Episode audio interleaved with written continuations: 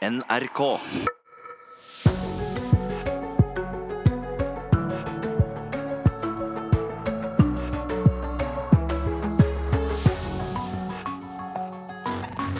Velkommen til Nyhetsmorgen. Det er fredag. Det skal handle om noe veldig upopulært i nord. Det er en eh, veldig alvorlig situasjon eh, vi er oppe i, og, eh, og den er, har vært kaotisk. Og nå er den over i krisemodus. Troms Senterparti nekter nå å stille opp i en nemnd som skal jobbe for å slå sammen Troms og Finnmark. Mens norsk fisk er mer populært enn noen gang, kan det virke som. Fiskeriminister Per Sandberg er her for å snakke om problemet med at turister smugler store mengder ut av landet. Roald Amundsens polarskute Maud skal hjem til Norge etter 85 år under vann. Altså, vi vil vise holdt jeg på å si, verden en båt som uh, tilhører en viktig del av norsk uh, polarhistorie, og ikke minst kulturhistorie. Og faktisk også verdenshistorie. Men første etappe er å slepes over Atlanteren fra Grønland. Ugo Fermarello og Ida Creed er programledere i Nyhetsmorgen i dag. Troms Senterparti vil altså ikke stille med medlemmer til denne nemnda som skal jobbe for å slå sammen Troms og Finnmark. Finnmark fylkesting bestemte i går at de ikke vil stille med representanter. Etter det endret Kommunaldepartementet reglene, slik at nemnda kan gjøre sammenslåingsvedtaket også uten finnmarkinger eh, til stede. Gruppeleder for Senterpartiet i Troms fylkesting, Irene Lange Nordahl, sier det ikke er aktuelt for dem å stille heller. Og Vi anser at det ikke er etablert en fellesnemnd i henhold til inndelingsloven, så lenge Finnmark ikke har oppnevnt representanter. Derfor kommer vi heller ikke til å stille i fellesnemnda så lenge ikke Finnmark har representanter med. Fellesnemnda, som skal jobbe med sammenslåingen av Troms og Finnmark til én region, skulle opprinnelig bestått av 19 medlemmer valgt av Troms fylkesting og 17 medlemmer valgt av Finnmark fylkesting. Men etter gårsdagens vedtak i Finnmark fylkesting Forslaget har fått flertall og er, er, gyldig. Hvor de sa nei til videre samarbeid om fylkessammenslåing, kom Kommunaldepartementet raskt med en endring som førte til at Troms får 19 medlemmer og Finnmark 9. Nei, Det er en eh, veldig alvorlig situasjon eh, vi er oppe i, og, eh, og den er, har vært kaotisk. Og nå er den over i krisemodus. Sier leder i Troms Arbeiderparti, Cecilie Myrseth. Hun sier Arbeiderpartiet vil møte opp i nemnda, men at de ikke vil fatte vedtak uten finnmarkingene til stede. Eh, nå har eh, Mæland eh, tid på seg fram til, fram til, i august til å finne en løsning på, på denne utfordringa. Men det som vi i hvert fall ikke kommer til å akseptere fra Arbeiderpartiets side, det er at man legger ansvaret på et fylke når ansvaret er hennes eget. Gruppeleder for Høyre i Troms fylkesting, Ole Johanne Rødvei, er skuffet over at ikke alle vil delta i nemnda. Det er veldig beklagelig at, at Finnmark fylkesting ikke ikke vil være med i den demokratiseringsprosessen som det jo er, altså det her, eh, den nye regionreformen. Reporter Kaspar Fuglesang. Hver sommer opplever tollvesenet at turister smugler med seg fisk ut av Norge. Og ifølge myndighetene er dette både økonomisk kriminalitet og en trussel mot fiskebestanden i Norge. Tollregionen Nord-Norge antar at rundt 33 000 kilo hel fisk er det de klarer å stoppe, men at, igjen, at det da bare er topp toppen av isfjellet. Vel, eh, velkommen hit til Nyhetsmorgen, fiskeriminister Per Sandberg. Turistfiske turistfisk i Norge er også et problem? Ja da. Eh, vi, har, vi starta jo et fokus på dette i fjor, da vi har fått på plass et system og et registreringssystem i forhold til turistfiske. Ja, for ble, i, i, fjor så kom det et pålegg om at turister ikke kan ta med seg mer enn 10 kilo ut av landet. 10 kilo eh, hvis det ikke er registrert, og 20 kilo hvis du er med på et register. For det er jo mange langs kysten som jobber med turister og turistfiske. Det greier vi å få kontroll på. Men så vet vi at det er utrolig mange utlendinger som kommer til Norge også, som kanskje har noe annet i gjerdet enn bare å være turister. Ja, så de, de kommer som turister, men så, så, er de ikke turister likevel? Nei, de, de sier de er turister, men eh, klart eh, når du, når du, da skal reise fra Norge som turist og kanskje har med deg 610 kilo med det fineste av eh, fisken vår, så har du kanskje vært i Norge ut ifra en annen misjon også. Det er mulig du skal bruke 610 kilo med loins hjemme alene, eller du skal gi bort til familien din. Men vi tror nok at det er økonomisk kriminalitet som ligger bak dette, og det viser jo også beslagene våre. 108 beslag eh, i fjor, eh, og det tilsvarer 11 000 kilo. Og det er klart at det er så mye penger i fisk nå Eh, og da må vi i, i regjeringa, sammen med flere andre statsråder, se på hvorvidt vi skal gjøre noe med sanksjonssystemet. Ja, Du skal snakke med justisminister Tor Mikkel Wara og finansminister Siv Jensen om dette i dag. Eh, hva kan dere gjøre med problemet? Ja da, det, det, Både justisministeren og, og, finansministeren Finansministeren har jo tolldelen, jeg har jo Fiskeridirektoratet, og så har justisministeren da politiet. Det er et omfattende samarbeid der i dag. Men jeg tror at vi kan gjøre både noe med bøtelegginga, vi kan gjøre noe med inndragning av utstyr, redskap, eh, vi kan gjøre beslag. Eh, for dette, og vi kan gjøre noe mer med ressurskontrollen også. For at dette begynner å snakke, Vi begynner å snakke om store midler her. og det er klart at når du bøtelegges for eh, ja, 100, 100, kroner for, for, bare det som er over utførselskvoten din, Eh, og du kan reise til Gøteborg og så selge denne fisken for 200-300 kroner kiloen, så ser vi at det er økonomi å drive den type ulovlig fiske. I det siste så har vi hørt at Oslofjorden eh, tømmes for torsk. Men hvor i landet er dette problemet størst, egentlig? Nei, det, det er nok langs kysten. Når det gjelder Oslofjorden, så tror jeg vi har flere utfordringer når det gjelder kysttorsken. Men, men det er stort sett langs kysten. Og vi har Eh, gjort beslag eller gjort inngrepen f.eks. i Finnmark, der at utlendinger har kjøpt nedlagte garasjer og laga seg provisoriske filetanlegg.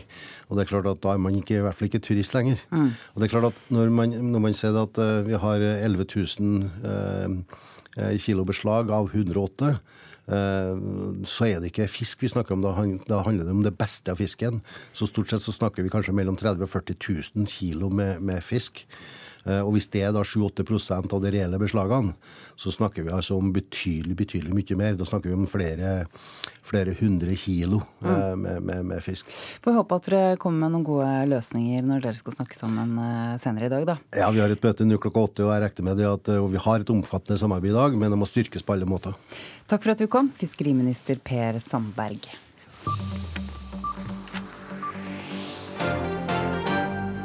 Dette skjedde i natt. Førstedame i USA, Melania Trumps jakke, stjal oppmerksomhet da hun var på vei for å besøke migrantbarn på grensen til Mexico. Melania hadde på seg en grønn jakke der det sto 'Jeg bryr meg virkelig ikke, gjør du?' da hun gikk om bord eh, på dette flyet. Da hun ble spurt om hvilket budskap hun mente å sende, svarte førstedamens talsperson at det ikke var ment som mer enn mote. Du kan eh, selvfølgelig se bildet av jakken på nrk.no. Sverige. En 24 år gammel mann døde i natt etter at eh, han ble skutt på i går går kveld, ifølge nyhetsbyrået TT. Aftenbladet skriver at det var to personer i mørke klær på en moped som skjøt mot bilen mannen satt i. Denne skyteepisoden skjer etter at tre personer ble skutt og drept mandag denne uken, og politiet i Malmö sier det er for tidlig å vite om det er en kobling mellom sakene.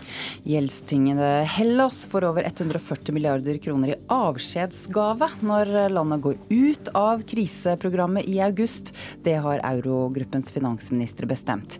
I går var de nemlig samlet i Luxembourg for å diskutere seg frem til en enighet om avtalen med Hellas, og etter seks timers forhandlinger ble de enige i natt.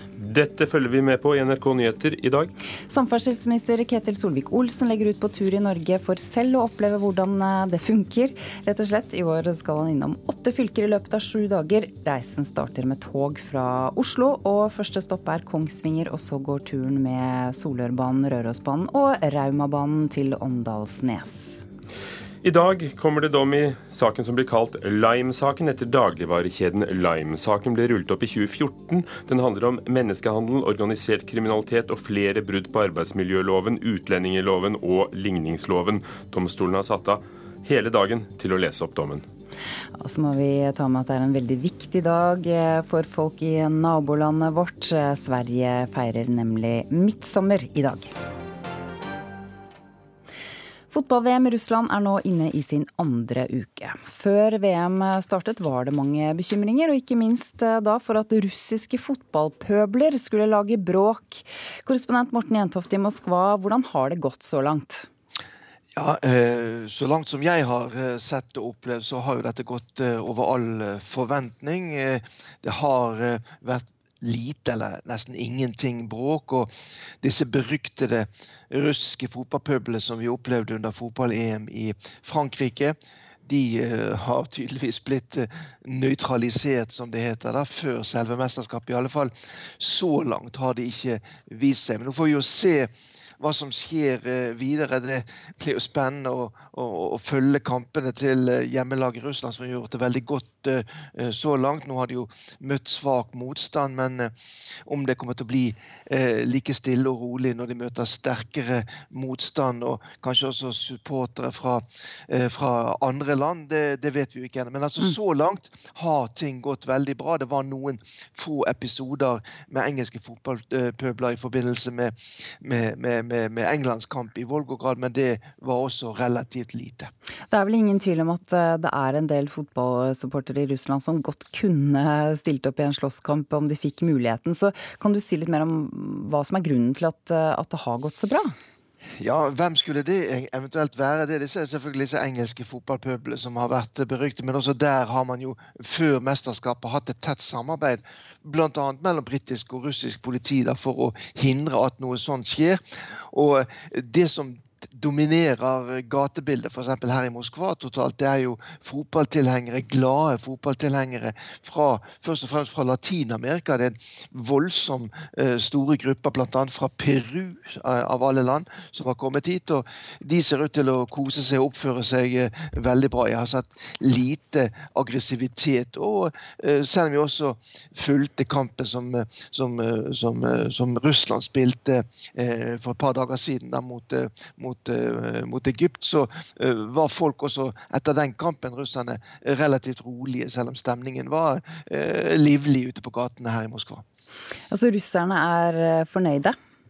Ja, Russland eh, Så langt er man jo veldig fornøyd. og Det er jo også mye diskusjon bl.a. på sosiale medier. Hva betyr dette fra, for uh, Russland? Uh, noen mener at dette kan være uh, veldig positivt å være et steg for, for Russland litt tilbake igjen i det gode internasjonale selskap. kommentatoren Igor Nikolov skriver bl.a. at, at se her, her ser dere jo disse ytre fiendene fiendene som man har prøvd å bygge opp en slags hysteri mot her i Russland. Her kommer de, og de er ganske fredelige av seg. sånn at eh, kanskje med, Han mener i alle fall at det kan komme noe positivt ut av det. Men samtidig så vet vi jo at eh, russiske myndigheter dere ønsker å bruke dette for det det er verdt, for å vise fram Russland fra en positiv side, fra, som et sivilisert land som klarer å gjennomføre et sånt arrangement eh, som, eh, som dette. Det må være lov. Russland har overrasket mange også rent fotballmessig med seier og 8-1 i målforskjell på de første to kampene sine. Er det sånn at russerne også begynner å få tro på laget sitt? Ja, i alle fall når vi vet at utgangspunktet var veldig dårlig. Selv president Vladimir Putin hadde jo svært svært liten tro på det russiske fotballandslaget, som jo var renket som det eh, nederste av alle lagene som var med i fotball-VM. Men som sagt, nå har de hatt eh, ikke all verdens slags motstand. Nå skal de møte Uruguay i, i, i, i neste kamp, men de er jo allerede klar for, eh, for eh, sluttspillet her, da. Så eh, russerne begynner å få tro på hjemmelaget, og det er noe med å være i flytsonen. Og de har selvfølgelig en enorm støtte fra eh, publikum her akkurat nå, som også, i likhet med de fleste andre eksperter, er blitt eh, overrasket over at eh, russerne spiller såpass godt som de gjør. Mm. Takk for at du var med, korrespondent Morten Jentoft i Moskva.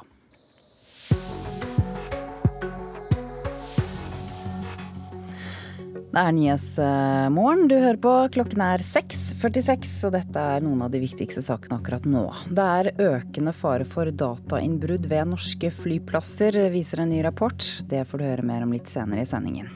Og en mann er død etter ny skyting i Malmö i Sverige.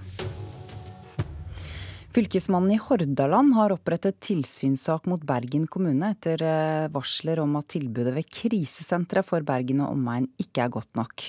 Krisesenteret skal jo gi et eh, tilbud til voldsutsatte menn og kvinner i Bergen og 23 andre kommuner i fylket. Bergen eh, kommune har ansvar for å følge opp dette tilbudet. Seksjonsleder hos fylkesmannen Øystein Breirem Jacobsen sier de har fått tre meldinger fra tidligere ansatte ved senteret. Bekymringen går på både forhold til om eh, tjenesten faglig holder det nivået den skal, og om det blir gjort tilstrekkelige risikovurderinger knytt til de beboerne som er på senteret. Og Det er forhold som vi må følge opp, fordi det er alvorlige forhold som, eh, som tas opp med det.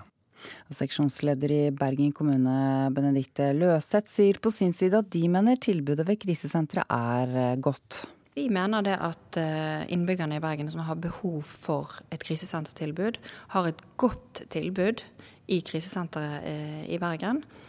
Vi har ikke grunnlag for å vurdere noe annet, verken tidligere eller i forbindelse med dette tilsynet. Men vi vil selvfølgelig følge med på Fylkesmannens vurdering og konklusjon i tilsynet. Styrelederen eh, ved krisesenteret sier de ikke kjenner seg igjen i varslene, og mm, sier at det er trygt å bo på krisesenteret. I Kulturnytt nå, Ugo Fermarello, så er det en gammel dame som skal hjem. Og den damen heter Maud. Og det er polarskudda Maud vi snakker om. I helgen starter nemlig Maud på siste etappe hjem til Norge fra en liten by på Grønlands vestkyst. Vraket av Roald Amundsens stolte skute er på vei til Vollen i Asker. Det var der hun ble bygd for over 100 år siden. Altså Hun er jo vakker. Hun har jo en uh, sterk utstråling. Båten ble også bygget uh, helt unikt og er et fantastisk vitnesbyrd. Helt på linje med Fram og, og Gjøa, og selvfølgelig også vikingskipene, som jeg egentlig vil sammenligne litt med. Dette er kunstneren Jan Wangård. Polarskuta Maud hadde ligget 85 år under vann i Nordvestpassasjen i Canada da han og selskapet Tandberg Eiendom bestemte seg for å bringe henne hjem. Sju år har det tatt å heve og berge vraket, like mange år som Amundsen brukte på Maud-ekspedisjonen.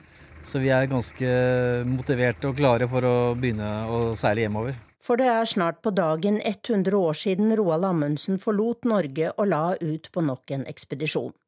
Han ville la seg drive over Polhavet og nå Nordpolen. Til det trengte han en helt spesiell skute. Så han får et tilbud fra Vålen, Krista Jensen, på 300 000 kroner for å bygge dette skipet. Det skal bli det beste polarskipet noensinne. Og det ble det nok også. Men pga. Eh, krigen og inflasjon osv. Så, videre, så kom regningen på hele 650 000 kroner. Sier direktøren på Fram-museet, Geir Olav Kløver. Ekspedisjonen brukte to år på å komme gjennom den isfylte Nordøstpassasjen og enda et år fastfrosset i isen nord for Beringstredet, før Amundsen ga opp. Ja, de nådde ikke målet sitt. De drev ikke over Polhavet. De kom ikke til Nordpolen. Amundsen hadde brukt over én million i 1918-kroner. Han hadde store økonomiske problemer. I 1925 blir Maud solgt til Hudson Bay Company og synker senere på grunt vann i Cambridge Bay i Canada i 1931.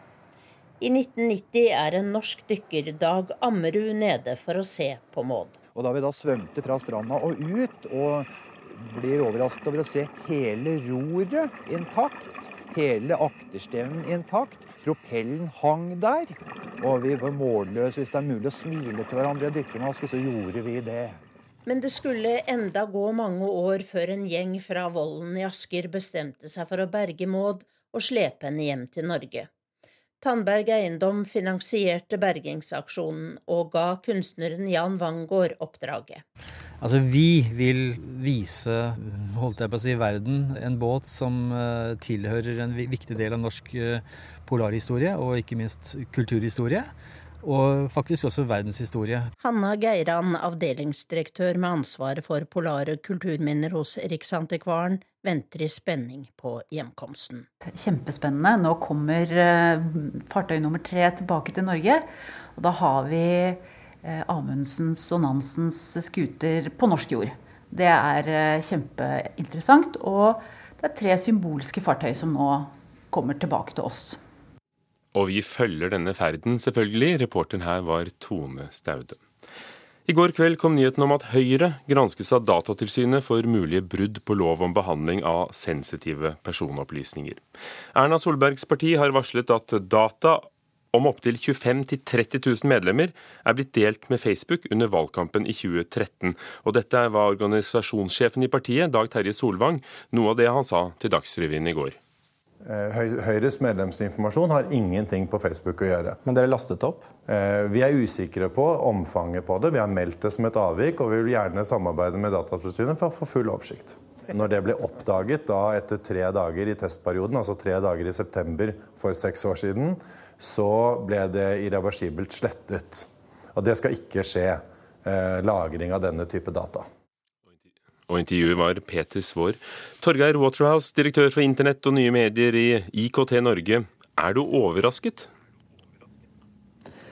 Nei, altså, Det er viktig å være klar over at på den tiden så testa man masse forskjellig på Facebook for å se om man kunne få gode resultater og hvordan man kunne nå folk. sånn at det at man har testet dette, er ikke overraskende.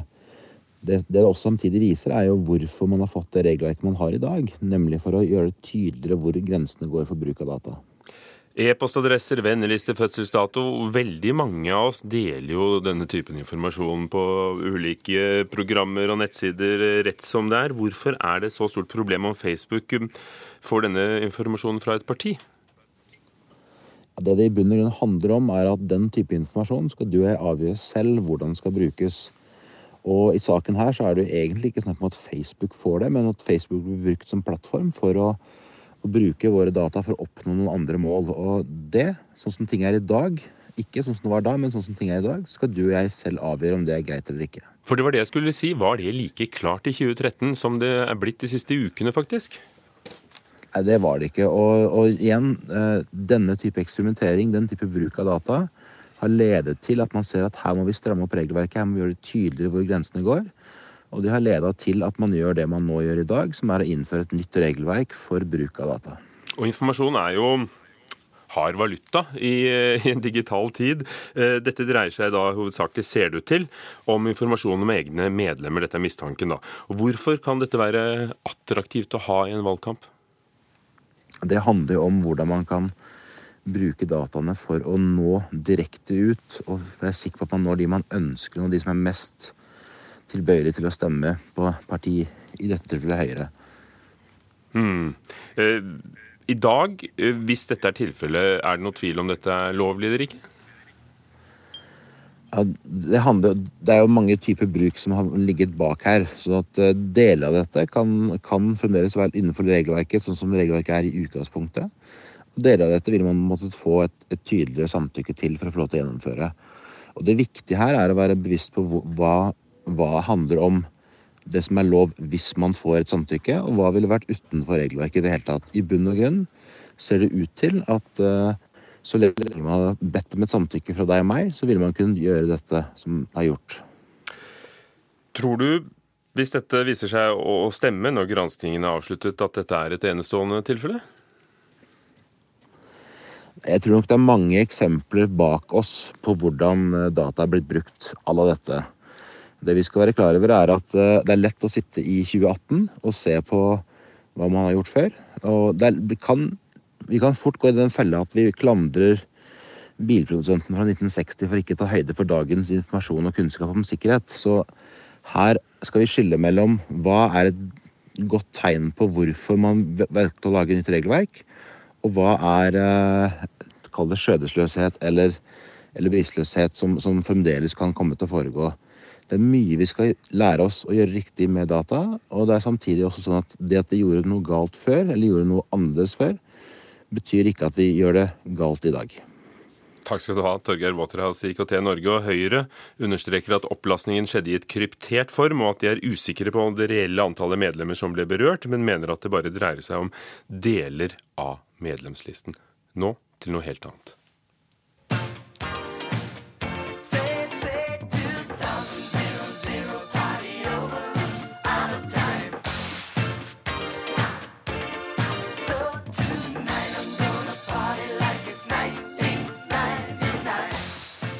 Dette er Prins. Han døde for to år siden. Og likevel kommer det ny musikk fra artisten snart. Men arvingene krangler med dem som bestyrer boet etter uh, sangeren. Nå slår bostyren tilbake. Kan du oppdatere oss, kulturreporter Thomas Alverstein Ove? Ja, uh, bostyreren skriver nå i et brev til en domstol i Minnesota at det er fullstendig uaktuelt å oppheve avtalen uh, det krangles om, som vi også var innom i, i Kulturnytt i, i går. Eh, det er Dagens Næringsliv som skriver om denne saken. Det handler altså om at strømmetjenesten Tidal skal få eksklusiv rett til den nye musikken fra Prince i to uker, før du kan få kjøpt den noe annet sted. Arvingene har krevd at avtalen trekkes, etter at DN avslørte at eh, Tidal skal ha jukset med lyttertallene. Hva sier advokatene? Jo, Forklaringen fra bostyreren er at, uh, at, DNs saker om manipulering i Tidal uh, er uh, enn så lenge ubekreftede medieoppslag. Han trenger bevis for å kunne trekke avtalen tilbake.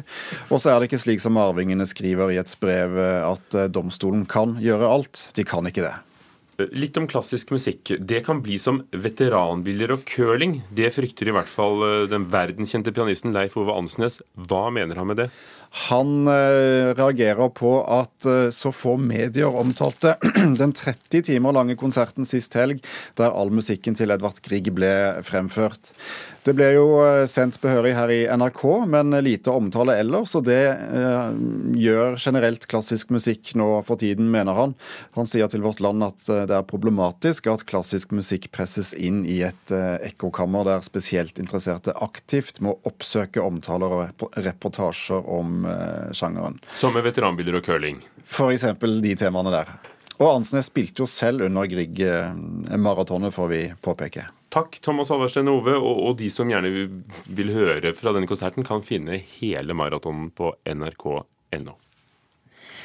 Kronprinsen og utenriksministeren er i New York for å prøve å få Norge inn i FNs sikkerhetsråd. Vi skal snakke med en forsker om hva vi bør gjøre for å smigre oss inn der.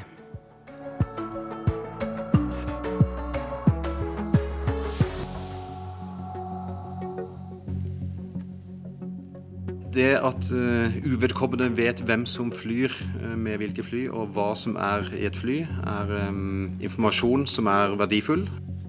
Ja, flyplassene henger etter når det gjelder å sikre seg mot datainnbrudd. Vi skal straks til Tyrkia, der beskyldningene hagler når det nå går mot slutten av presidentvalgkampen.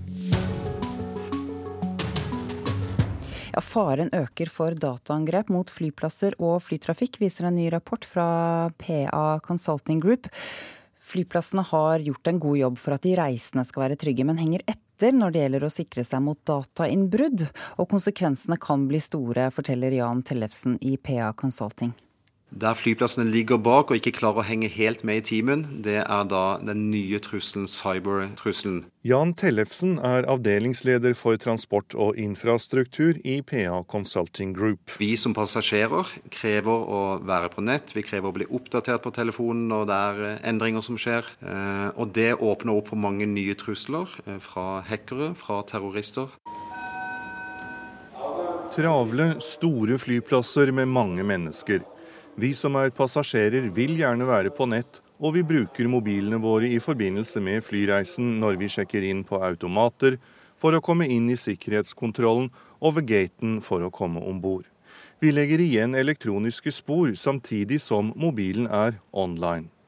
Den største drifter av flyplasser her til lands er Avinor, og fokus på dataterrorisme står høyt, forteller IT-direktør Brede Nilsen. Vi har enormt med overvåkning både internt og ikke minst gjennom nasjonale og internasjonale samarbeidspartnere. Så hvis det skal komme en alvorlig trussel, noe vi ikke har sett til i dag, men hvis det skulle komme, så vil det ligge på konsernsjefens bord umiddelbart. Altså Vår rutine er Hele organisasjonen er for så vidt eh, trimmet på dette. Eh, på samme måte som en annen ulykke vil skje. Nøkkelen ligger i forståelsen rundt kulturen i dataterror, som er av nyere dato sammenlignet med annen type terror. Dette kan være en lett vei inn for datasnokere som vil utøve terrorisme, og konsekvensene blir både store og dyre, forteller Tellefsen. Det at uh, uvedkommende vet hvem som flyr uh, med hvilke fly, og hva som er i et fly, er um, informasjon som er verdifull. Eh, vi har sett eksempler på at eh, flyplasser stenges ned, og eh, hackere krever løsepenger for å få opp igjen systemer, som får en stor konsekvens for flyplassene, men også for oss som passasjerer. Avinor har valgt å drifte alle sine mest kritiske datasystemer selv, og har ikke satt bort dette til selskaper i andre land. Alle systemene finnes i Norge, og samtlige er lukket og ikke koplet opp mot f.eks. internettet. Men til tross for dette er ikke Norge et skjermet land, sier Brede Nilsen i Avinor alle i Norge i dag blir utsatt for angrep. Eh, og Det handler ikke om, om, når man, eller om man er, men det er når. Og de fleste da eh, blir angrepet hver dag. Til dags dato har vi ikke hatt noen alvorlige hendelser hos oss. Men du sier at det så å si nesten daglig er det noen som prøver å banke på systemene deres for å komme seg inn? Ja, det er ikke unikt for luftfarten i hele tatt. Alle sammen har såkalt knock on the door. Altså man forsøker å, å komme inn. Reporter Tor Albert Frøsland. Daglige angrep hører vi her. Sikkerhetsrådgiver i PwC Jan Henrik Straumsheim, velkommen hit. Bør vi være bekymret? Ja, man bør være bekymret. Det tenker jeg er en naturlig del av den hverdagen vi befinner oss i nå. Vi lever i et samfunn som i økende grad digitaliserer seg. Og etter hvert da, som flere av de tjenestene vi benytter oss av hver dag, blir lagt ut på nett, så øker jo si, trusselnivået, kan man vel si. Eh, på noen måter så kan man vel kalle det digitaliseringens bakside, dette her, da. Ja. Sommeren eh, er her. Eh, hvor farlig er det egentlig da å sette igjen eller legge igjen så mange elektroniske spor på flyplassene rundt omkring i verden, som nordmenn skal gjøre nå? Nei, Hvor farlig det er, er vanskelig å si noe om. Altså, jeg tenker at Det er åpenbart at man bør ha et bevisst forhold til hva man legger igjen av informasjon om seg selv. Enten det er på flyplassen eller ute på byen eller hjemme, for den saks skyld. Eh, samtidig så tror jeg vi beveger oss i en retning hvor folk flest eh, forventer seg en mer sømløs og kanskje papirløs reise. Vi ser at det i økende grad blir flere og flere selvbetjeningsløsninger. Eh, mm. Og For at de skal fungere bra, så kreves det jo at de samler inn flere og flere personopplysninger. Eh, og Dette stiller jo igjen da krav til at disse virksomhetene som forvalter disse systemene, her, gjør en god jobb for å sikre de og sørge for at personvernet ivaretas. Det tenker jeg at eh, kundene kommer til å forvente mer av i tiden fremover. Mm. Betyr det du sier at man f.eks. bør unngå gratis eh, trådløse nettverk, f.eks.? Ja, på et generelt grunnlag så er nok jeg litt skeptisk til gratis trådløse nettverk.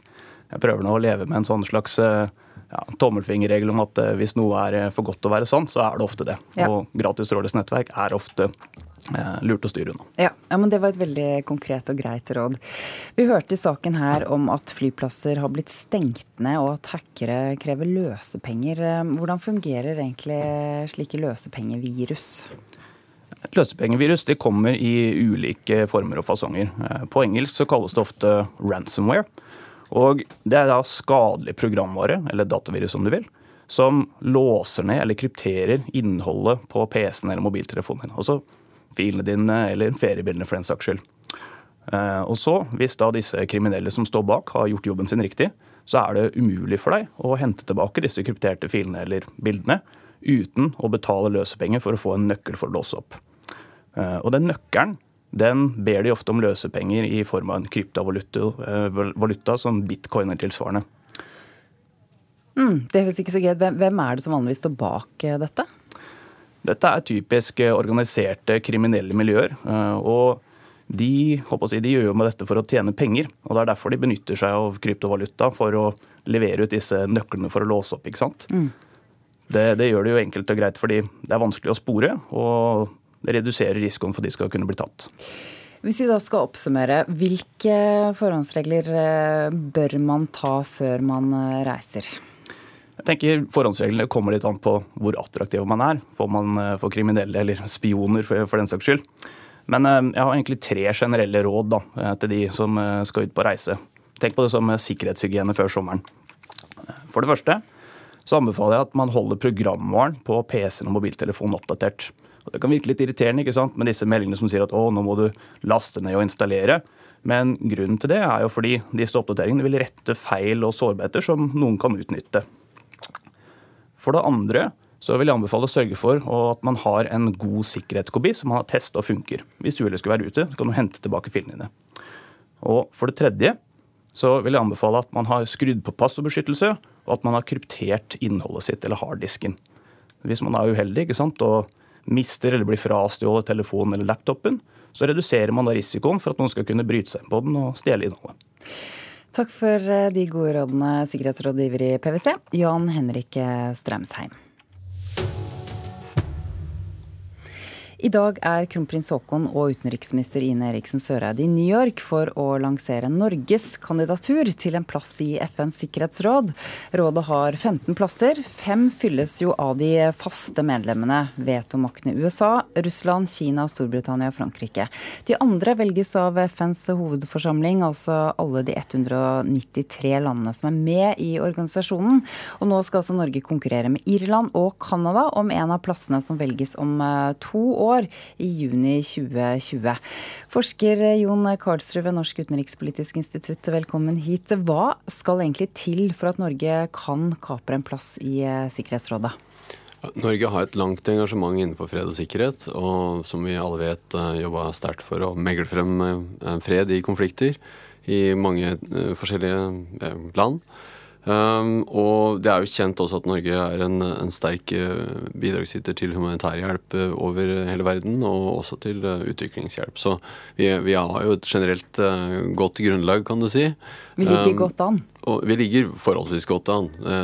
det er ikke tvil om. Men um, når det kommer til en valgkamp, så er det mer sånn individuelle strategier. Da. Det er forskjellige velgergrupper, eh, land i Oseania eller som kanskje er eh, opptatt av at eh, vannet stiger, eller land i Afrika som er opptatt av, av utviklingshjelp, eller andre ting. Så det må være litt sånn gruppestrategier. Mm. Og så må man også fokusere litt på land for land når det begynner å nærme seg og man uh, har uh, telt opp hvor mange sikre stemmer man har, og hvor mange man fremdeles er usikre på. Mm.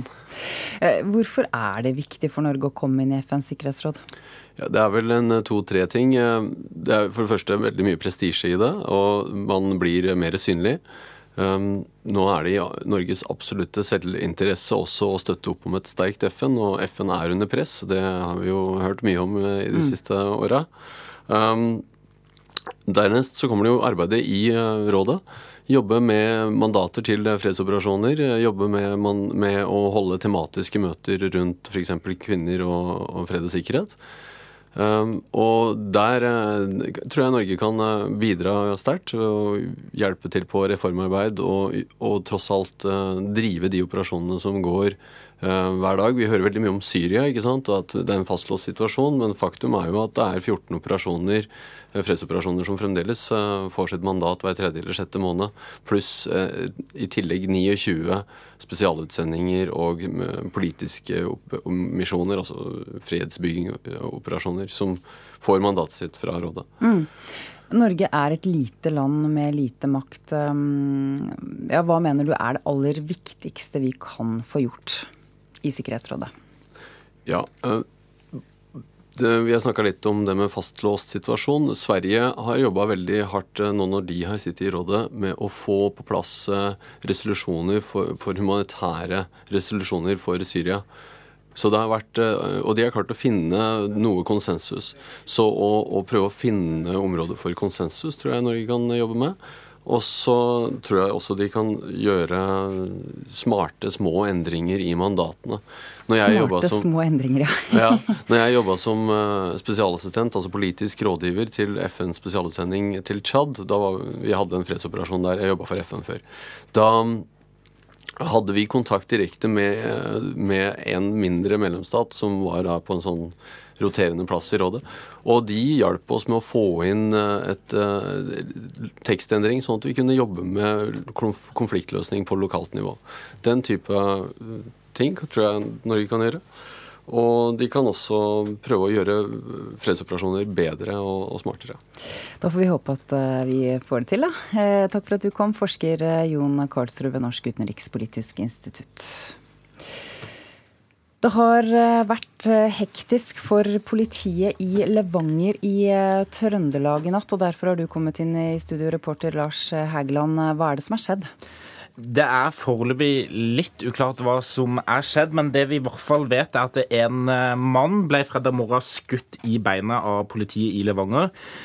I forbindelse med etterforskninga av sjokkbrekket hos, eh, gullsmed, hos en gullsmed tidligere i natt. Eh, Innbruddstyvene brukte natt til i dag en stjålet bil til å rygge inn gjennom vinduene til gullsmed, en gullsmed i Levanger.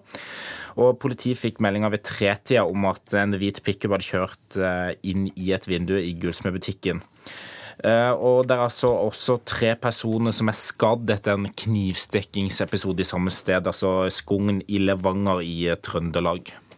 Du kan komme tilbake du, Lars, når du vet mer om eh, dette.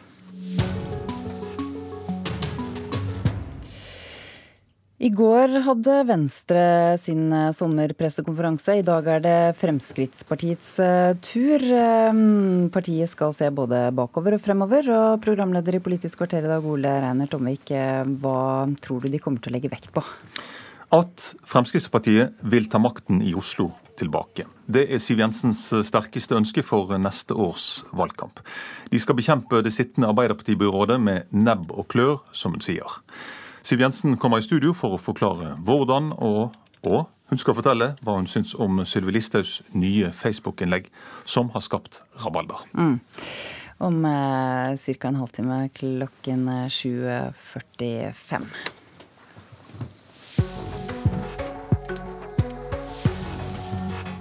Klokken har blitt 17 minutter over sju. Det er Nyhetsmorgen du hører på. Dette er noen av hovedsakene akkurat nå. En mann ble i morges skutt i beinet av politiet i Skogn i Trøndelag. Ifølge politiet skjedde det i forbindelse med etterforskningen av et innbrudd hos en gullsmed i natt. To andre er sendt til sykehus med knivskader, opplyser politiet. Vi skal holde deg oppdatert på det. Troms Senterparti nekter å stille medlemmer til en nemnd som skal jobbe for å slå sammen Troms og Finnmark. Og det er observert døde stillehavsøsters langs hele kysten av Sør-Norge. Fagfolkene har forskjellige teorier om hva det kan skyldes.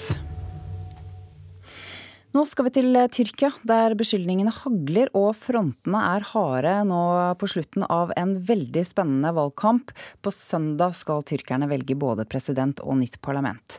Frykten for valgfusk er stor, og opposisjonen planlegger å sende ut en halv million valgobservatører.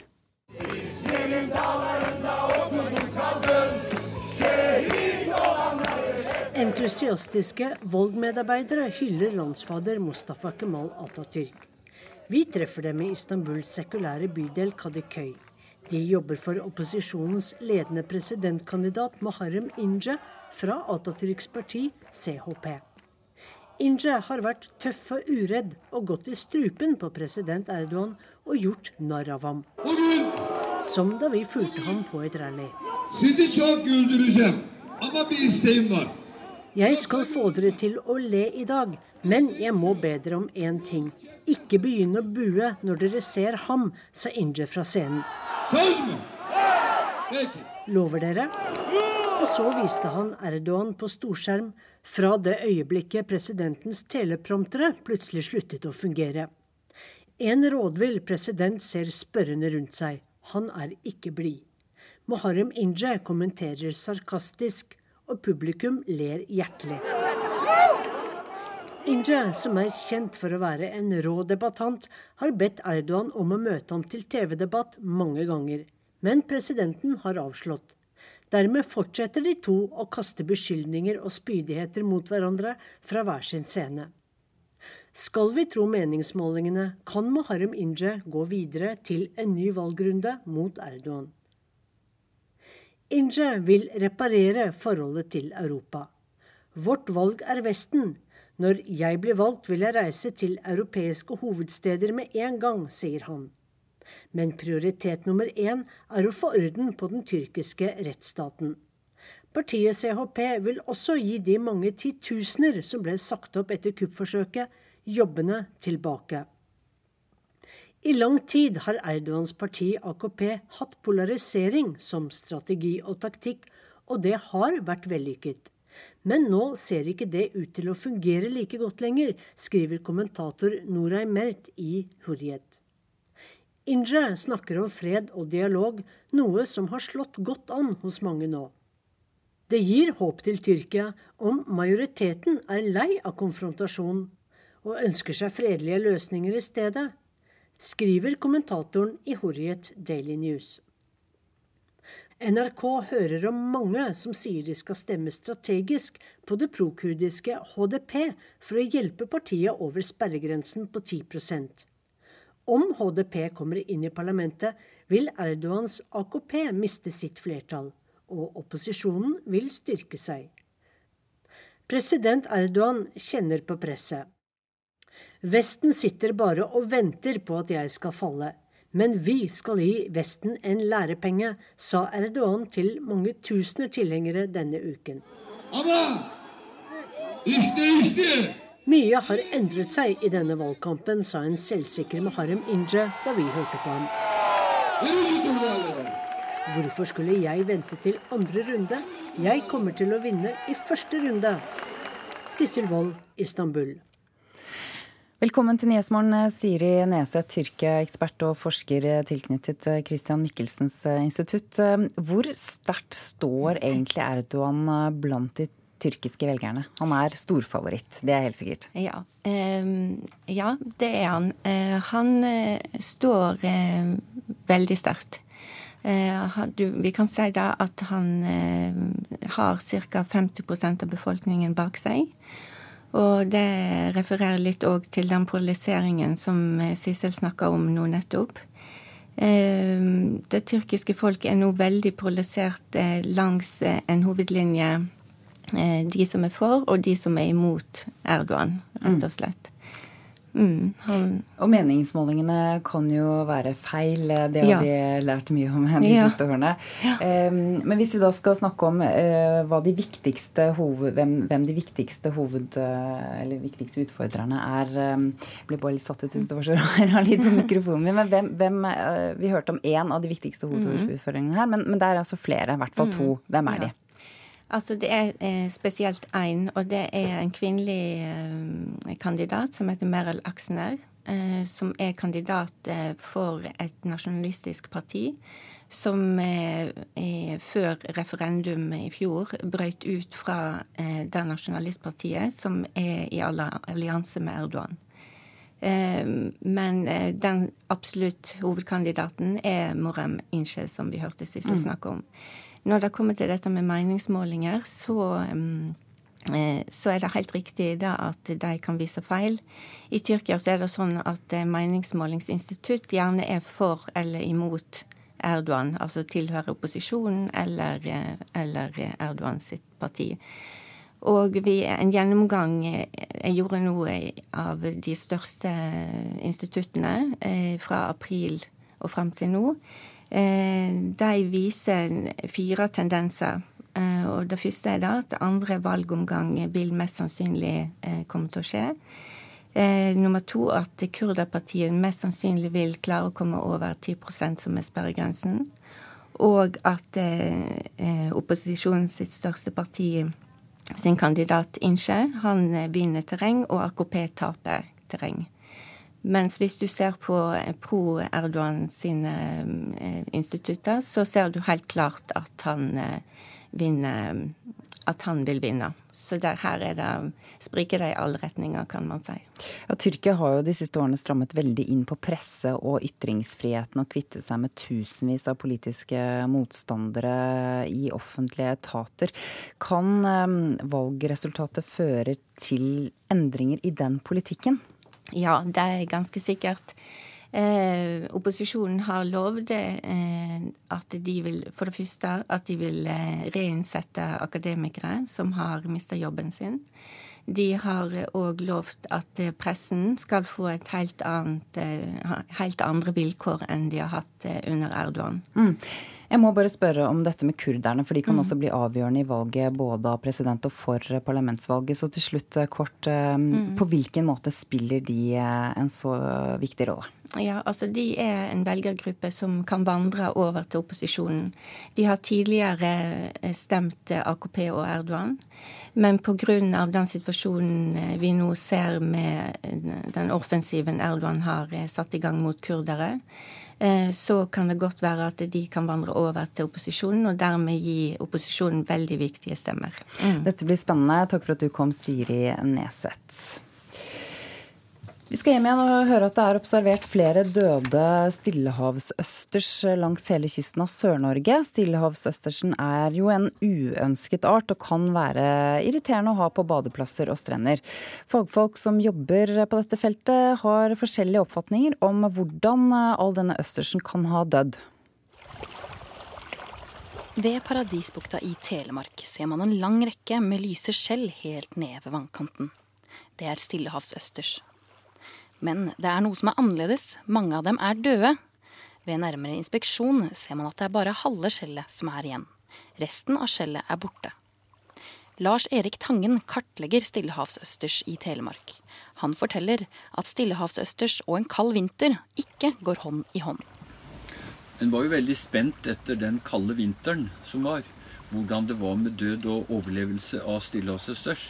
For det lå jo is på mange fjorder, og en har jo sett at stillehavsøstersene de etablerer seg enten på en stein, på en, et muslingskall eller på bergvegger i tidevannssonen. Og der hvor isen har ligget i tidevannssonen og gnissa mot disse berga, der så jeg tidlig at det var mange døde. Det er ikke bare i Telemark stillehavsøstersen har blitt observert på denne måten. Døde skjell som henger langs vannkanten. Dette kan man også se langs kysten av hele Sør-Norge. En har sett det i fjordområdene, der hvor det var is. Der eh, er det mange døde. Også på steiner inntil brygger eh, hvor eh, de har bitt seg fast. Der er det bare innerskarda, eller rester av innerskarda, som, som fortsatt sitter der. Det ytterskallet som beskytta det dyret som ligger inni. Ytterskallet er vekk, og selve dyret er vekk. Så det, disse hvite inneskalla de ser en tydelig mange steder. Forsker ved Havforskningsinstituttet Anders Hjelmert jobber også med stillehavsøsters. Han sier det kan være flere grunner for at stillehavsøstersen har dødd. I 2014 skjedde det en massedød blant stillehavsøstersen pga. et herpesvirusutbrudd. Hjelmert understreker at dette også kan være en faktor for hvorfor man ser døde østers langs kysten nå herpesvirusutbruddene kan ofte komme i forbindelse med, med, ekstra varmt vann. og Det har jo vært en periode nå med ganske varmt vann i overflaten hvor østersen liker seg godt. Så det er nok en nokså nærliggende forklaring. Akkurat hva som er årsaken til den døde stillehavsøstersen er vanskelig å slå fast nå. Men selv om mange har dødd, betyr ikke det at det er grunn til å feire. For det betyr neppe slutten for stillehavsøstersen i Norge. Når vi vet at én stillehavsøsters den kan gyte fra 50 til 200 millioner egg. Så skjønner vi at eh, dette her er helt håpløst. Og så kjempe kampen mot stillehavsøsters. Det er enda et bevis på hva som skjer når vi mennesker tukler med natur og innfører en art et område hvor den ikke hører hjemme. Så vidt vi skjønner da, så har altså en stillehavsøstersen kanskje dødd av herpes. Eh, det hørtes ikke bra ut. Reporter i saken var Anniken eh, Sanna. Ja, Du hører på Nyhetsmorgen på DAB pluss på nettet eller på mobilen. Helsedepartementet har bestemt at musikk skal brukes mer i eldreomsorgen. Vi har besøkt et sykehjem i Trondheim der de er flinke på dette, og det får du høre i reportasjen etter Dagsnytt.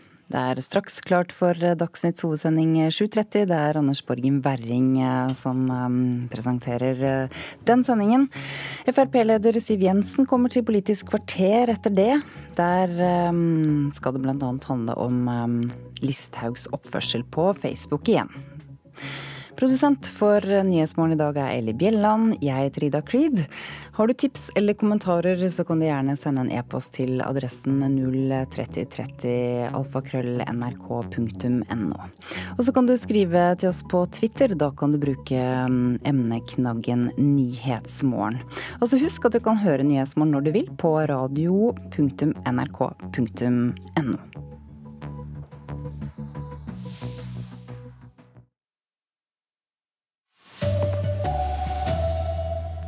Det er en økende fare for at dataterror kan lamme flytrafikken, viser ny rapport. En mann er skutt av politiet i Trøndelag i forbindelse med et gullsmedran. Hun har ligget årevis under vann i Nordvestpassasjen. Nå kommer polarskuta Maud hjem igjen. Her er NRK Dagsnytt, klokka er 7.30.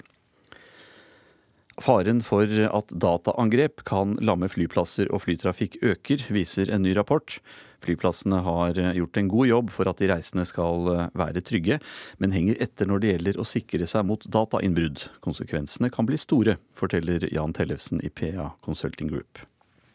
Det at uh, uvedkommende vet hvem som flyr uh, med hvilke fly, og hva som er i et fly, er um, informasjon som er verdifull. Uh, vi har sett eksempler på at flyplasser stenges ned, og hackere krever løsepenger for å få opp igjen systemer, som får en stor konsekvens for flyplassene, men også for oss som passasjerer.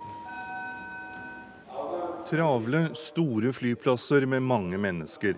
Den største drifter av flyplasser her til lands er Avinor, og fokus på dataterrorisme står høyt, forteller IT-direktør Brede Nilsen. Vi har enormt med overvåkning både internt og ikke minst gjennom nasjonale og internasjonale samarbeidspartnere. Så hvis det skal komme en alvorlig trussel, noe vi ikke har sett til i dag, men hvis det skulle komme, så vil det ligge på konsernsjefens bord umiddelbart. Altså Vår rutine er Hele organisasjonen er for så vidt eh, trimmet på dette. Eh, på samme måte som en annen ulykke vil skje. Avinor har valgt å drifte alle sine mest kritiske datasystemer selv, og har ikke satt bort dette til selskaper i andre land. Men til tross for dette er ikke Norge et skjermet land, sier Brede Nilsen i Avinor. Alle i Norge i dag blir utsatt for angrep. Eh, og Det handler ikke om, om, når man, eller om man er, men det er når. Og de fleste da eh, blir angrepet hver dag. Til dags dato har vi ikke hatt noen alvorlige hendelser hos oss. Men du sier at det så å si nesten daglig er det noen som prøver å banke på systemene deres for å komme seg inn? Ja, det er ikke unikt for luftfarten i hele tatt. Alle sammen har såkalt knock on the door. Altså man forsøker å, å komme inn. Reporter her, Tor Albert Frøsland. En mann ble i morges skutt i beinet av politiet i Skogn i Trøndelag. Ifølge politiet skjedde det i forbindelse med etterforskningen av et innbrudd hos en gullsmed i Levanger i natt. Operasjonsleder Ebbe Himo forteller hva som skjedde i de kaotiske morgentimene. Det er et uh, det vi vil, uh, man nesten kunne kalle et sjokkbrekk. Uh, bil har rygga gjennom et butikkvindu. Og Politiet rykker selvfølgelig ut på det. Eh, I forbindelse med oppfølging og etterforsking av det oppdraget, så er vi da på en adresse på Skogn. Eh, og mens politiet er der, så er det da to personer som blir knivstukket. Eh, vedkommende som stikker med kniv, blir da skutt av politiet. For tidlig foreløpig å konkludere med de direkte sammenhengene mellom de to hendelsene sa operasjonsleder Ebbe Kimo i eh, politiet. Og I Malmö døde en 24 eh, år gammel mann etter at han ble skutt i går kveld, ifølge det svenske nyhetsbyrået TT. Ifølge Aftonbladet skjøt to mørkledde personer eh, på en moped mot bilen mannen satt i. Skytingen skjer etter at tre personer ble skutt og drept i Malmö på mandag. Troms Senterparti vil ikke stille med medlemmer til nemnda som skal jobbe for å slå sammen Troms og Finnmark. Finnmark fylkesting bestemte i går at de ikke vil stille representanter til fellesnemnda. Så endret Kommunaldepartementet reglene slik at nemnda kan gjøre sammenslåingsvedtaket uten finnmarkinger. Det vil ikke Troms Senterparti være med på, sier gruppeleder Irene Lange Nordahl.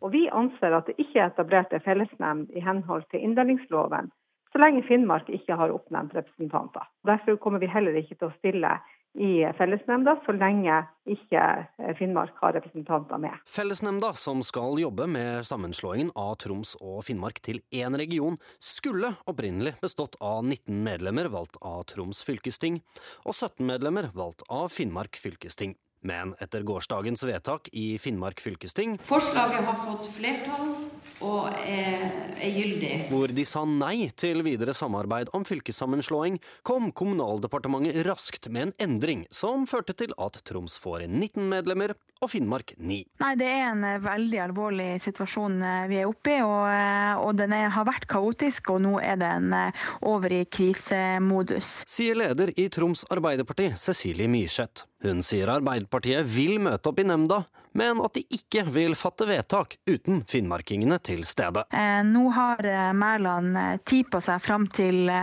fram til, i august til å finne en løsning på, på denne utfordringa. Men det som vi i hvert fall ikke kommer til å akseptere fra Arbeiderpartiets side, det er at man legger ansvaret på et fylke når ansvaret er hennes eget. Gruppeleder for Høyre i Troms fylkesting, Ole Johanne Rødvei, er skuffet over at ikke alle vil delta i nemnda. Det er veldig beklagelig at, at Finnmark fylkesting ikke vil være med i den demokratiseringsprosessen som det jo er, altså det her, eh, den nye regionreformen. Nå til uh, Tyrkia, der beskyldningene hagler og frontene er harde på slutten av en spennende valgkamp. Søndag skal tyrkerne velge både president og nytt parlament. Men eh, frykten for valgfusk er stor. Opposisjonen planlegger å sende ut en halv million valgobservatører.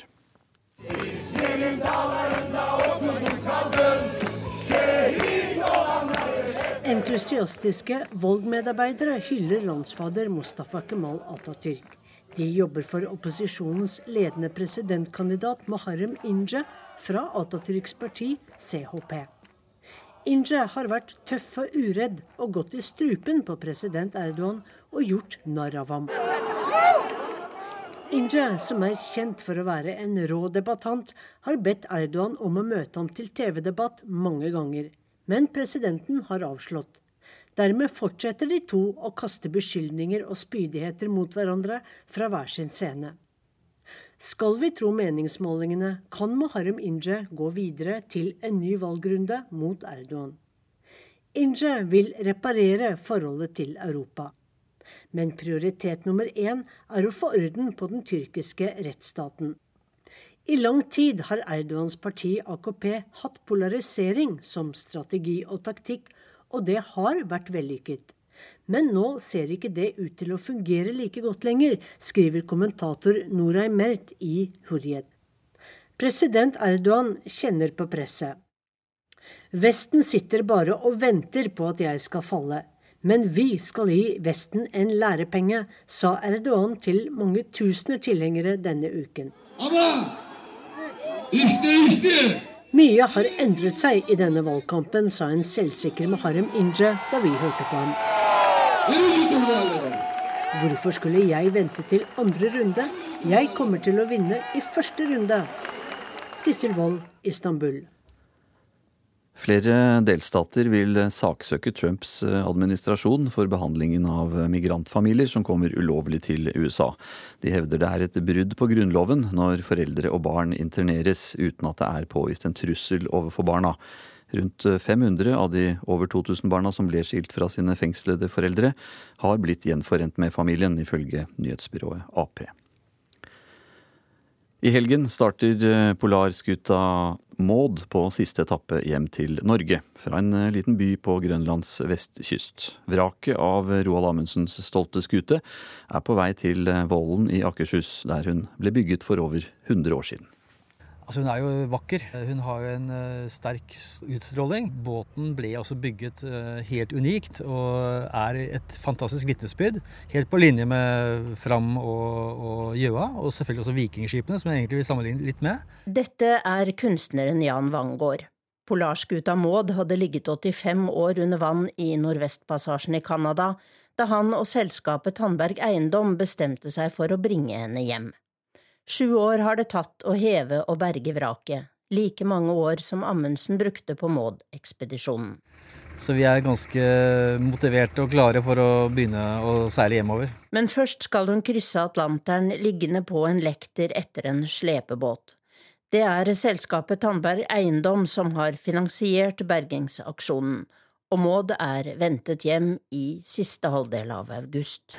Ja, altså det er jo mange ting man kan være spent på, men det som jeg er mest opptatt av, er jo at vi får en trygg og sikker hjemseilas, og at eh, vi kan komme hjem til Norge med Maud eh, pent og pyntelig etter 100 år. Og det sa Jan eh, Wangård, reporter her, Tone Staude. Elin Pettersen har ansvaret for NRK Dagsnytt i dag. Jeg heter Anders Borgen Werring.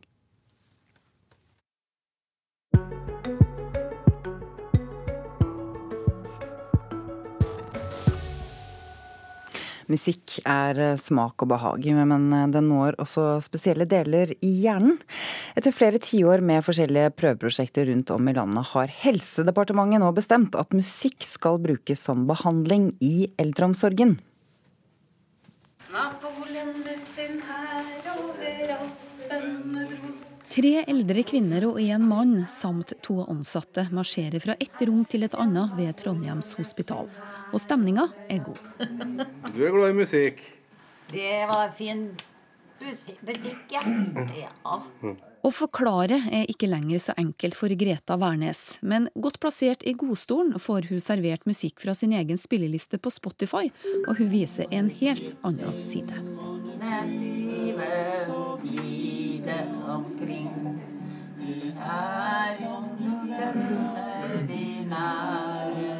Symptomene på demens legger litt sånn glassvegg foran dem. Og musikken gjør at det her faktisk åpner seg litt, og de får mulighet til å vise fram hvem de egentlig er. Helene Aanes Jøssund er sykepleier ved Trondheims hospital. Hun forteller om en helt annen hverdag etter at de begynte med såkalt musikkbasert miljøbehandling. Vi syns det er fantastisk artig, altså. Det, vi var jo på kurs nå for noen år siden, og vi ser, vi ser hva det her betyr i hverdagen, både for pasienter og ikke minst for oss.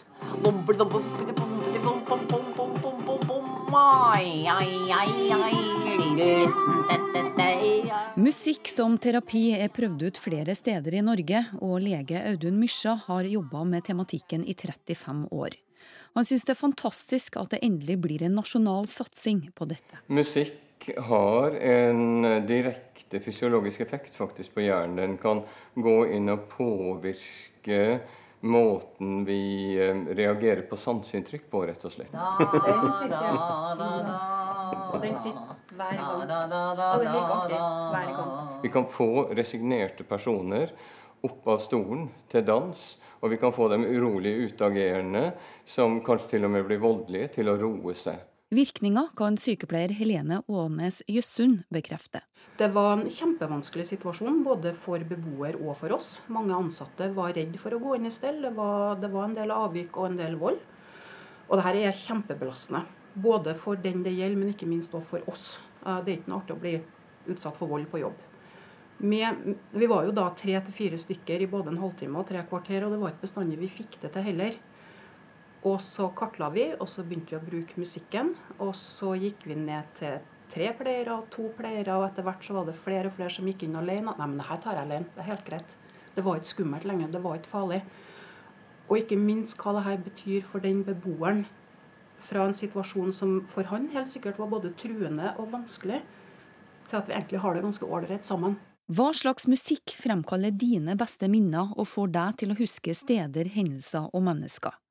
De gamle ved Trondheims hospital veit fortsatt hvor de kommer fra. Sola i kveld, hun skal skin for deg, mitt kjære.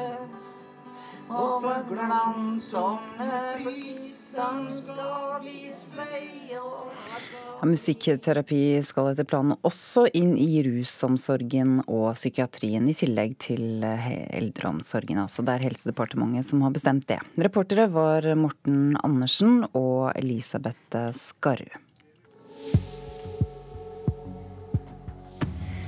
Det er eh, Ole Reinert Omvik som er eh, klar med Politisk kvarter om noen sekunder. Eh, Siv Jensen er på besøk der i dag. Da skal det selvfølgelig handle om Fremskrittspartiet. Ellers er dette de viktigste sakene denne morgenen. Det er økende fare for at dataterror kan lamme flytrafikken, viser en ny rapport. En mann er skutt av politiet i Trøndelag i forbindelse med et gullsmedran. Og hun har eh, ligget i årevis under vann i Nordvestpassasjen. Nå kommer polarskuten Maud hjem igjen til Vollen i Asker. I går fikk Telenor et rekordstort gebyr av Konkurransetilsynet for bevisst å ha hindret utbyggingen av et tredje mobilnett i Norge, men det er fortsatt problemer i det norske mobilmarkedet, mener Nasjonal kommunikasjonsmyndighet. Det blir det også mer om eh, etter Politisk kvarter.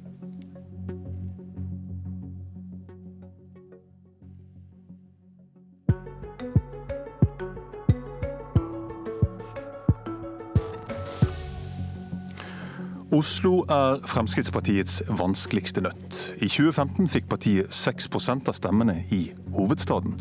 I dag sier Siv Jensen at Frp skal kjempe med nebb og klør for å ta makten fra Ap-byråden. Hjelper det at hennes makker Sylvi Listhaug poster ting på Facebook? Velkommen til Politisk kvarter, leder i Fremskrittspartiet Siv Jensen. Tusen takk. I dag skal dere oppsummere året som er gått på denne plassen. Hør på dette.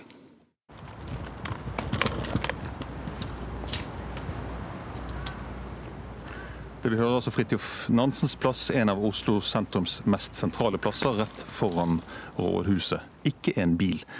Hva tenker du om det? Jeg tenker at eh, det har blitt vanskelig å komme seg frem i Oslo by med bil. Eh, først og fremst er det et problem for handelsstanden, eh, som er avhengig av å få varer inn og ut av butikkene sine. Og de er avhengig av å ha kunder. Jeg tror veldig mange nå vurderer situasjonen, tenker om de skal flytte ut. Eh, og jeg tror det er eh, over tid et problem for Oslo, for vi trenger mangfold i bylivet. Vi trenger butikker, vi trenger yrende folkeliv.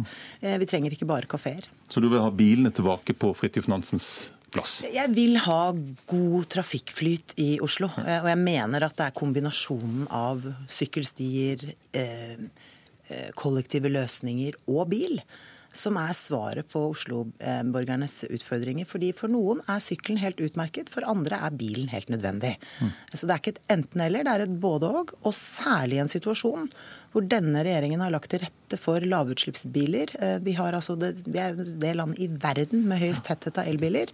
Så burde ikke dette være et problem.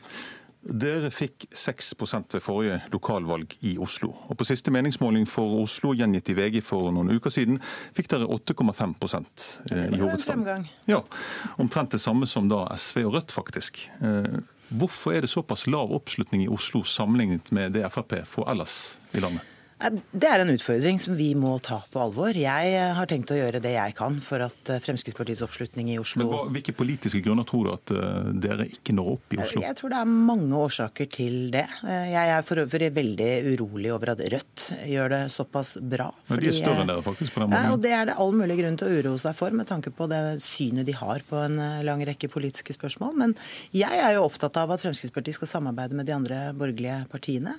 At vi skal gå til valg i Oslo på å fjerne den eiendomsskatten som eh, Raymond og hans byråd har innført. Husk at da de gikk til valg eh, for å vinne makten i Oslo, så sa de at de skulle innføre eiendomsskatt for å styrke eldreomsorgen. De har holdt ett av løftene, nemlig å innføre eiendomsskatt. Men de har ikke styrket eldreomsorgen. Snarere tvert imot så har de lagt ned flere hundre sykehjemsplasser, og de bruker til og med skattebetalernes penger på å kjøpe opp private sykehjem. Sånn at her har vi jo nå fått en mm. veldig tydelig ideologisk kamp, hvor ideologi er viktigere enn de eldre. Og det mener jeg blir en av de store og viktige sakene inn i lokalvalget i Oslo. Da går vi rett til eh, neste post på programmet, her, nemlig eh, Sylvi Listhaugs Facebook-innlegg, som nettopp handlet om sykehjemsplassene i Oslo.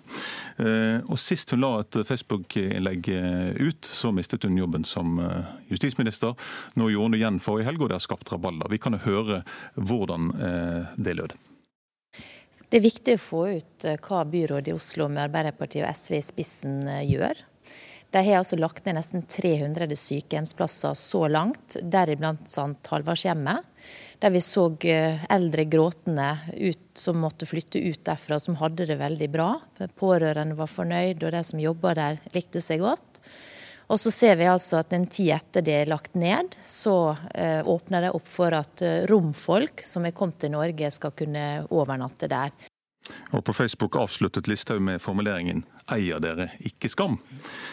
Innlegget har jo satt sinn i kok, fordi Listhaug skaper et bilde av at byråden i Oslo har hevet ut eldre fra et sykehjem for å gi plass til romfolk. Ut med nordmenn, inn med utenlandske tiggere. Statsministeren tok avstand fra innlegget og manet til saklig debatt. Men Siv Jensen, hva syns du om dette innlegget? Jeg syns at Sylvi Listhaug selv har svart godt for det innlegget. Men det jeg syns at programlederen nå er i ferd med å gjøre, er å gå i den samme fella som mange andre journalister gjør. Sporer helt av i forhold til hva saken handler om. Ja vel, hvorfor det? Jo, fordi denne saken handler ikke om Sylvi Listhaug. Den handler om det faktum at man legger ned hundretalls av sykehjemsplasser i Oslo eh, og bruker skattepenger på å kjøpe opp private sykehjemsplasser, eh, til tross for at beboerne er fornøyd. Eh, og Vi er altså i en situasjon hvor denne regjeringen legger til rette for at det skal bygges ut flere tusen nye sykehjemsplasser over hele landet fordi behovene kommer til å stige i årene som kommer. Da kan vi ikke legge ned sykehjemsplasser. Okay. Da må vi rett og slett ta vare på det mangfoldet vi har. Og vi må slutte den ideologiske kampen mot private sykehjem, som gjør en viktig jobb i å skape et tilstrekkelig antall sykehjemsplasser i dette landet. Ok, Siv Jensen, Jeg snakket med Oslo kommune i går, og du har helt rett. Eh, denne byråden har lagt ned 309 sykehjemsplasser siden de overtok i 2015. Men vet du hvorfor? Det er nok sammensatt. Jeg vet at de kjøper opp eh, private sykehjemsplasser, og jeg vet at de skal, og jeg vet at de også skal rehabilitere noen av dem. Jeg kan, jeg kan fortsatt... fortelle deg litt av grunnen, Siv Jensen. Det er blitt 3655 færre eldre over 80 år siden 2005. Dette, fallet, dette tallet kommer til å synke til 2022. Og så stiger det igjen. Så Det er den begrunnelsen som jeg har fått fra Oslo kommune. Men for at de har redusert. 2022 er bare noen få år frem i tid. Og de som har drevet og planlagt og utbygget sykehjemsplasser rundt omkring i Kommune-Norge, vet at det tar tid. Hvis man legger ned sykehjemsplasser i dag, så tar det mange år før man klarer å bygge opp et tilsvarende tilbud i fremtiden. Vi er nå inne i en situasjon og befolkningen i dette landet kommer til å bli stadig eldre. Men Siv Jensen, Vet da, du hvor mange som står på venteliste for å få seg sykehjemsplass i Oslo i dag? Og da, vet, vet, du hvor mange som står på venteliste? Gudskjelov så er ikke ventelistene for sykehjemsplasser så veldig lange i Oslo. Men Jeg kan er, si det tallet, men, det er null, null, personer, Siv Jensen. Men de er betydelig lenger for de som f.eks. ønsker Omsorg pluss. Og litt av poenget med å utvikle en god eldreomsorg handler ikke bare om sykehjemsplasser. Det handler om å legge til rette for at eldre mennesker går en trygg alderdom i møte. Det handler om hjemmesykepleie, gode hjemmetjenester, omsorgsboliger og sykehjemsplasser. Og det er det mangfoldet kommunene har et ansvar for å sikre. Det er men, men hva, Siv Jensen, jeg vil høre deg kommentere det. Hva tenker du om at i dag er det faktisk ingen i Oslo som er over 80 år, som venter på en sykehjemsplass? Jeg tenker at jeg vil gå inn og se nærmere på den statistikken. Hvis det er riktig, så er det bra. Men det er uansett, så, men det er uansett sånn at når eh, behovet kommer til å stige i 2022, så er det viktig at også Oslo planlegger for det, sånn at man ikke da kommer i en situasjon hvor ventetidene øker. Og Jeg er jo veldig glad for at vi nå endelig kan få oversikt over hvor mange som venter og ikke venter. Husk at det var ikke lov da denne regjeringen eh, kom i gang. Vi har lagt til rette for at vi skal få ut den type statistikk fra kommunene, også inkludert Oslo, fordi det gir oss et bedre grunnlag for å vurdere behovene fremover. Sylvi hun var jo selv eldrebyråd i Oslo mellom 2006 til 2011. Vet du hvor mange sykehjemsplasser hun la ned da hun var byråd? Nei, det vet jeg ikke. Men jeg syns, det var 309. Men jeg syns uansett at programlederen er i ferd med å spore av. Det Sylvi Listhaug gjorde som eldrebyråd er altså syv-åtte år siden. Eh, den diskusjonen vi nå har, er de som har ansvar for å styre eldreomsorgen i Oslo nå og fremover. Jeg mener fortsatt det er et problem at man har gjort eldreomsorg til ideologi.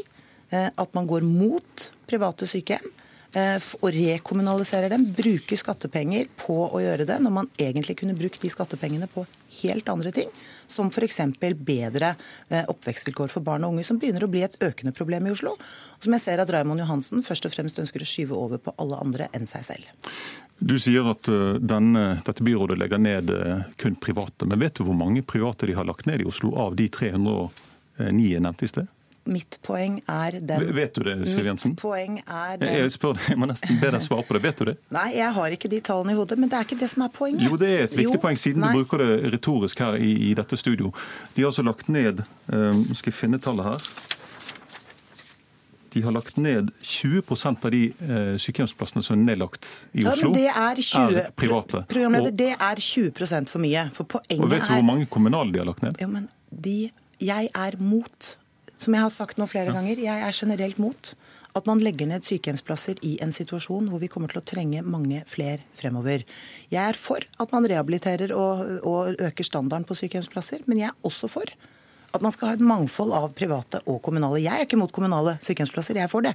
Men jeg er også for private. Det som er problemet til Raymond Johansen, er at han samarbeider med SV og Rødt partier som går til kamp mot det private mangfoldet. Og det samme gjør de når det gjelder private barnehager. Jeg mener at vi må sørge for å ha det mangfoldet sørge for å ha flere aktører som er villige til å gi oss gode barnehager for barna våre og gode sykehjemstilbud eh, til de som har behov for det. og Da trenger vi det mangfoldet. Nå begynner du å snakke om barnehager, Jensen. Vi snakker om sykehjemsplasser. Vi snakker, nei, jeg snakker om den ideologien som er anført av disse partiene som sitter og styrer Oslo i dag, som handler om at man helt systematisk er mot private organiserte ja. løsninger. Enten det gjelder sykehjem eller det gjelder barnehager. Og jeg mener at det mangfoldet må være der, særlig i en situasjon hvor de private barnehagene er eh, vellykket, hvor foreldrene er fornøyd med å ha barna sine der. Da syns jeg det er veldig rart at man går til kamp mot dem, når de har bidratt til å sikre full barnehagedekning over hele landet. Hva sa du til Sylvi Listhaug da hun i 2006-2011 la ned 300 sykehjemsplasser i Oslo? Ja, jeg har ikke snakket med Sylvi Listhaug om denne problemstillingen i, i, i dag. Eh, og igjen så syns jeg at programlederen sporer av når han må så mange år tilbake i tid for å eh, prøve å arrestere Sylvi Listhaug på noe som helst. Jeg mener at hun skal ha honnør for at hun har satt disse spørsmålene på dagsordenen. Og så syns jeg at mediene kanskje burde ha mer fokus på den faktiske situasjonen i hva som skjer i eldreomsorgen i Oslo. Det er altså folk som blir tvangsflyttet ut fra det sykehjemmet de bor på mot sin vilje, som ikke er særlig fornøyd med det, eh, som trives godt med det tilbudet de hadde, men som de blir fratatt. Det er den faktiske situasjonen, og det burde kanskje NRK være mer opptatt av enn Sylvi Listhaug. Siv Jensen, jeg driver bare faktasjekk. Det er jobben min. Eh, takk til deg for at du kom i studio. Lykke til med sommeroppsummeringen dere skal ha på Fridtjof Nansens plass om et par timer. Lars Nehru Sand, kommentator her i NRK. Ehm, Listhaug mistet jobben som justisminister pga. et Facebook-innlegg for tre måneder siden. Hva tjener hun på dette Facebook-innlegget hun kom med sist helg? I den grad hun tjener noe, så viser hun jo både presse og statsminister at hun fortsatt står på sin linje og sin måte å eh, fremføre sine politiske argument for. Eh, hun får også en stor debatt om dette, så det tjener hun på det. Det hun taper, er jo at det blir et etterlatt inntrykk av grov informasjon, at hun utlater helt vesentlige poenger.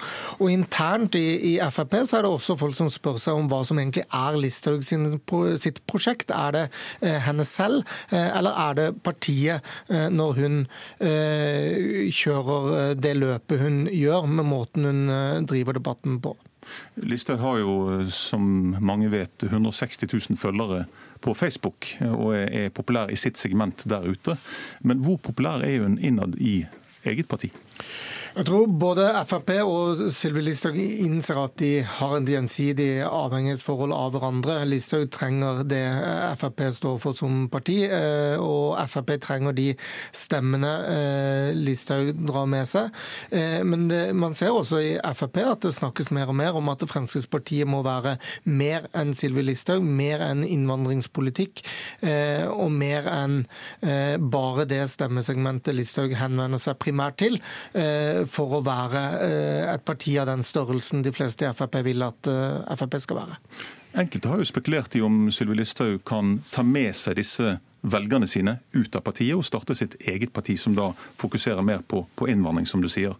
Hvor sannsynlig er det? Jeg tror ikke noe det er sannsynlig i det hele tatt. Jeg tror uh, den organisatoriske kraften og det rigget som trengs for å ha et eget parti, er ikke nødvendigvis noe Listhaug nå ser for seg å, skulle stable på bena. Og, og, som sagt, jeg tror både hun og Frp ser at de er gjensidig avhengige av uh, sånn som det er nå. Og så har det også tjent Norge ganske greit at vi har at vårt ytterste høyreparti er noe mer enn et utelukkende innvandringskritisk parti, men som henter velgere på, på en skattepolitikk, på en eh, bompengemotstand, på motstand mot veldig mye mer enn en bare innvandringsmotstand. Og det, det, har gjort at eh, Frp fremstår som noe annet enn Dansk Folkeparti og Sverigedemokraterna gjør i sine politiske landskap, f.eks. Mm. Hva er forholdet mellom eh, FrPs stortingsgruppe, der Listhaug nå sitter, og, og Frp i regjering? Det handler nok eh, mer om at eh, etter at Venstre trådte inn i regjering, så er det et litt mindre eh, rom for eh, egenpolitiske markeringer fra Frp sin eh, side. Det er jo nettopp det å kjøre sine primærstandpunkt høyt som har vært viktig for Frp. og Derfor har det vært flere diskusjoner internt på en rekke saker hvor det har vært vanskeligere for Frp å, å fremme sine primærstandpunkt tydelig i media, selv om man måtte stemme for noe annet i regjering det skiller kanskje dette halvåret fra de foregående for FrPs del i regjering. Takk for det, Lars Nehru Sand. Her i studio, Ole Reinert Omvik.